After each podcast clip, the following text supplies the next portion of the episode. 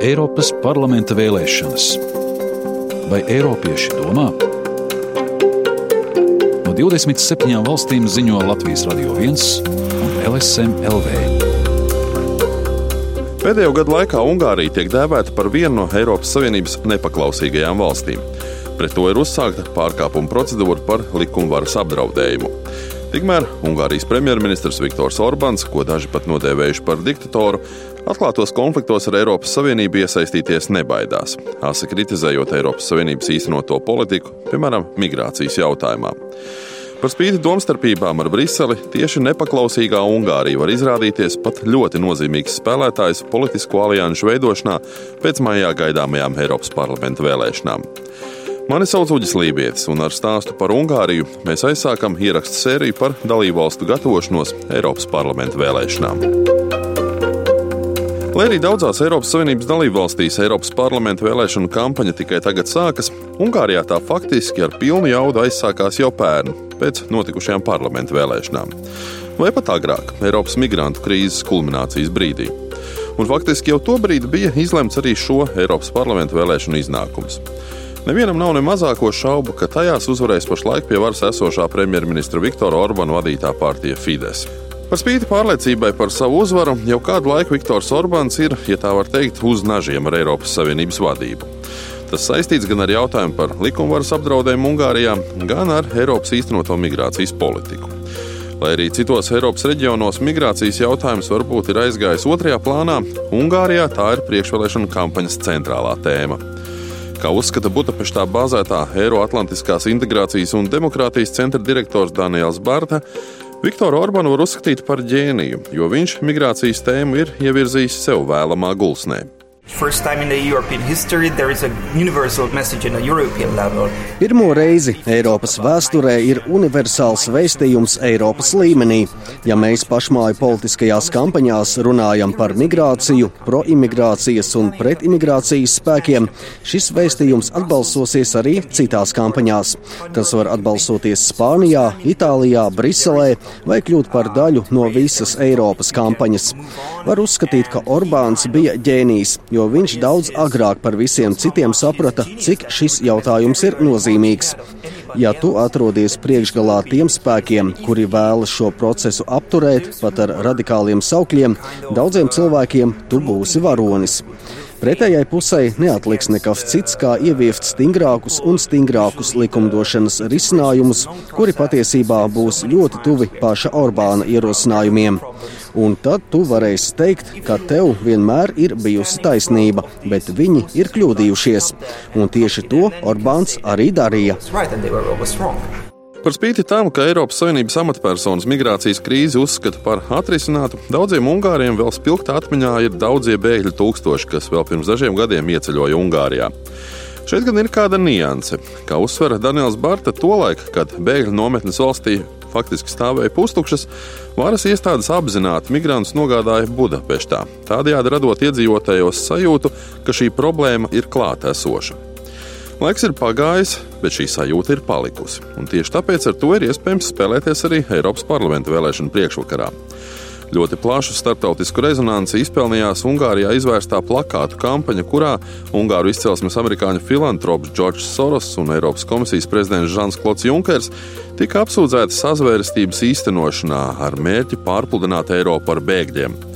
Konservatīvās un valdībai simpatizējošās domnīcas pamattiesību centra direktors Mikls Santo uzskata, ka uz papīra migrācijas krīze varbūt arī ir apsīkusi, taču patiesībā tā joprojām rada nopietnu apdraudējumu Eiropas tradicionālajām vērtībām un nacionālajām valstīm.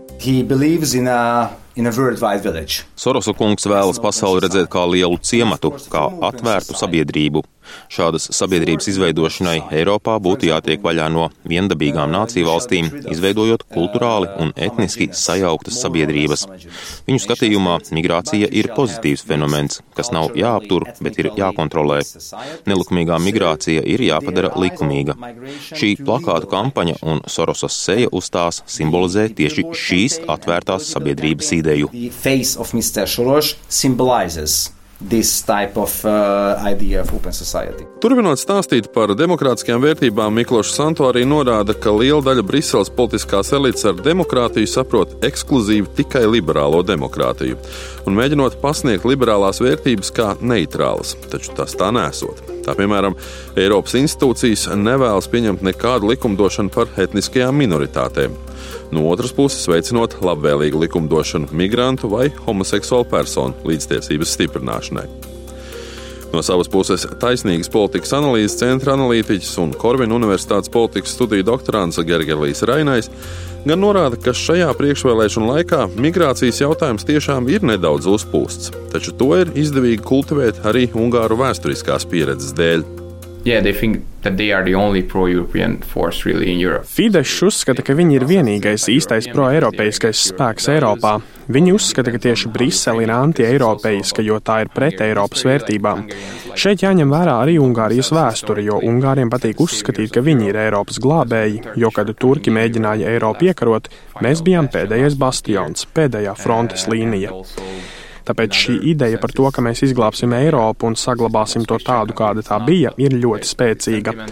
Un šī attieksme saglabāsies pat tad, ja Eiropas Savienības institūcijas turpinās vērsties pret Ungāriju.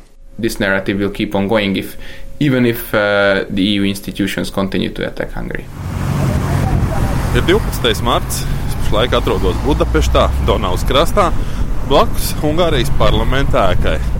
Tieši šeit šodien ir ieradies Eiropas Tautas partijas vadošais kandidāts Eiropas parlamenta vēlēšanās, Manfreds Vēbers, lai iespējams jau šodien un šeit izlemtu par to, kāda būs valdošās Ungārijas partijas Fides nākotne Eiropas Tautas partijas grupā.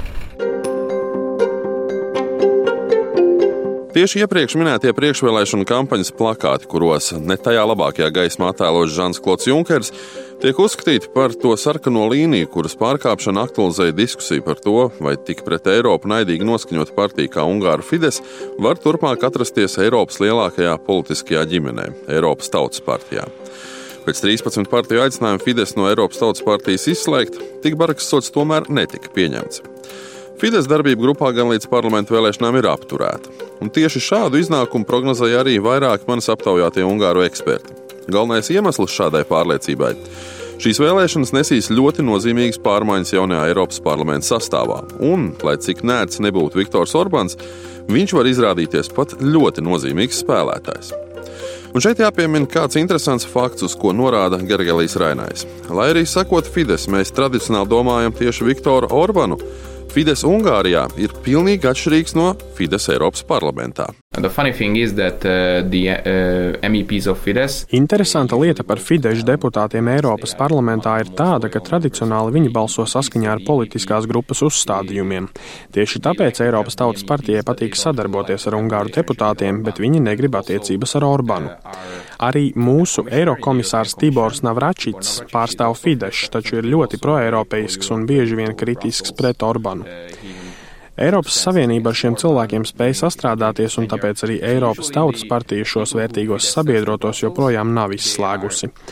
Ņemot vērā, ka Eiropas Tautas partijai prognozē ievērojamu vietu samazinājumu, Fidesz spēs garantēt tikpat deputātu vietas.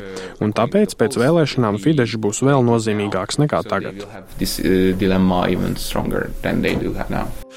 Kā uzskata Ungārijas ārpolitikas un tirdzniecības institūta asociētais pētnieks Attila Kovacs, Eiropas Tautas partijas lielākā dilemma nākamajā parlamentā būs, vai veidot alianses ar saviem tradicionālajiem sabiedrotajiem, kā sociālistiem un demokrātiem, liberāļiem vai zaļajiem, vai arī ar jauno varas centru, kas pamazām sāk veidoties, ja tā var teikt, ne liberālajās, eiroskeptiski un pret pastāvošo sistēmu noskaņotajās partijās, piemēram, Itālijā vai Polijā.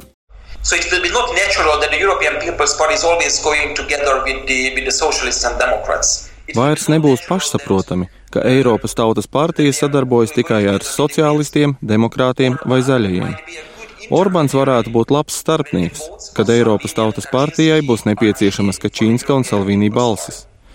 Viņš var būt šī saikne Eiropas Tautas partijas iekšienē, nevis kādā citā politiskajā grupā.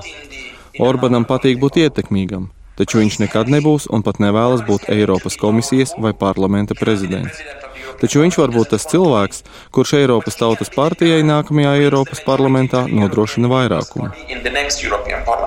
Savukārt Daniels Bārta no Eiroatlantiskās integrācijas un demokrātijas centra atzīmē, ka tā kā Viktoram Orbanam pēc absolūtās varas iegūšanas Ungārijā pašmāja politika vairs nav tik interesanta, viņam ir daudz svarīgāk ietekmēt procesus tieši Eiropā.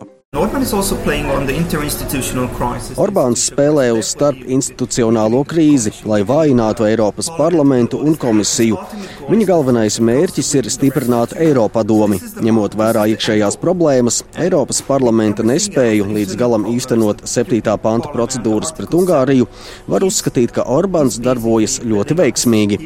Un tad vēl Špicen kandidāts, kura autoritāte ir apdraudēta, vēl pieprasa atvainoties un tā tālāk.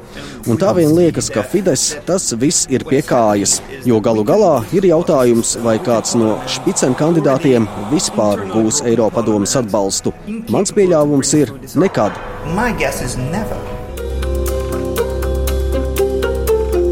Bet ko šajā priekšvēlēšanu laikā domā un dara opozīcijas partijas Ungārijā?